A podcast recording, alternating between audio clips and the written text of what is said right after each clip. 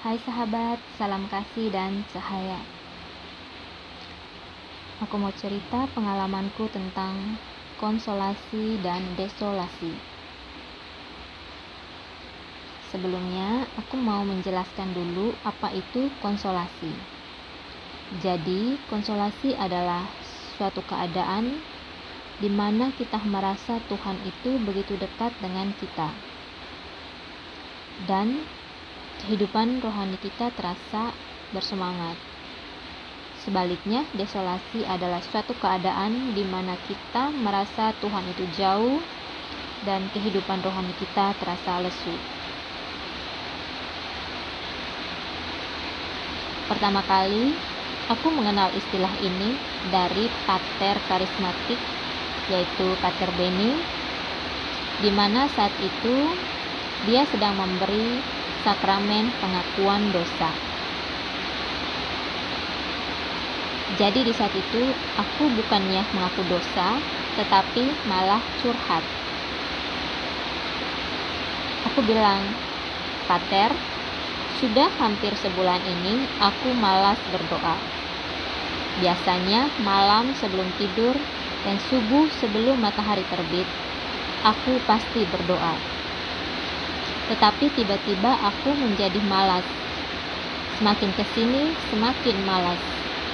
Dan aku juga kesal karena ketika aku berdoa, selain mendekatkan diri kepada Tuhan, juga untuk minta dilindungi dari roh-roh kegelapan. Waktu itu aku belum paham konsep keseimbangan di semesta. Sehingga roh-roh kegelapan benar-benar kuanggap musuh bebuyutku Nah, sekalinya setelah selesai doa malam, tiba-tiba aku merasa ada energi negatif yang begitu kuat yang menyerangku. Mendadak aku jadi gelisah dan marah. Aku bilang, Tuhan, aku baru saja berdoa. Dan aku berdoa untuk minta engkau melindungiku. Tetapi kenapa sekarang engkau malah membiarkan roh-roh kegelapan itu menyerangku? Karena kecewa, akhirnya aku tidak mau berdoa lagi. Merajuklah begitu. Dan semakin hari aku semakin stres. Apa yang kulakukan, apa yang kumakan, semuanya tidak membuatku bahagia hampa terasa hidup. Mau bunuh diri biar cepat mati. Tetapi bingung, bunuh diri macam apa yang tidak menyebabkan rasa sakit. Kalau bunuh diri dengan cara ditabrak truk atau gantung di pohon, aku benar-benar tidak siap. Mau melanjutkan hidup pun tak ada gairah seperti pepatah bilang, hidup segan, mati pun tak mau.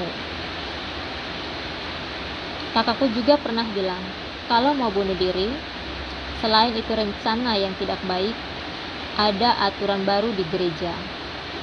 Bahwa orang yang meninggal karena bunuh diri, jenazahnya tidak akan diberkati di gereja.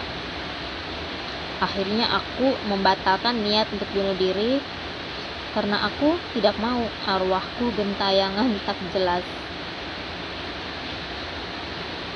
Setelah hal ini ku sampaikan kepada Pater, akhirnya Pater menjelaskan kalau keadaan yang kualami disebut desolasi atau kekeringan rohani, di mana Tuhan terasa jauh. Desolasi berlawanan dengan konsolasi. Jadi, ada saatnya kita di atas yaitu di fase konsolasi. Ada juga saatnya kita di bawah di fase desolasi. Dan konsolasi serta desolasi akan dialami oleh seseorang lebih dari sekali. Dan desolasi dimaksudkan untuk menguji iman seseorang. Ketika Pater menjelaskan konsep desolasi aku jadi teringat konsep The Dark Knight of the Soul yang ditulis oleh Santo Yohanes Salib. Pater menyarankanku untuk tetap berdoa walau jiwaku terasa hampa. Intinya, di saat desolasi, tetap datang membawa badan di hadapan Tuhan. Dan seperti yang disampaikan oleh seseorang yang lain bahwa dekat dengan Tuhan itu tidak mudah. Banyak rintangan yang harus dilewati dan tidak semua orang siap menghadapinya. Bahkan ada orang terdekatku yang enggan berdoa dengan tekun karena tahu jalannya tidak semudah membalikan telapak tangan. Dan ada saja gangguannya nanti. Nah, sahabat, ini ceritaku yang sangat katolik di saat itu. Thank you, namaste.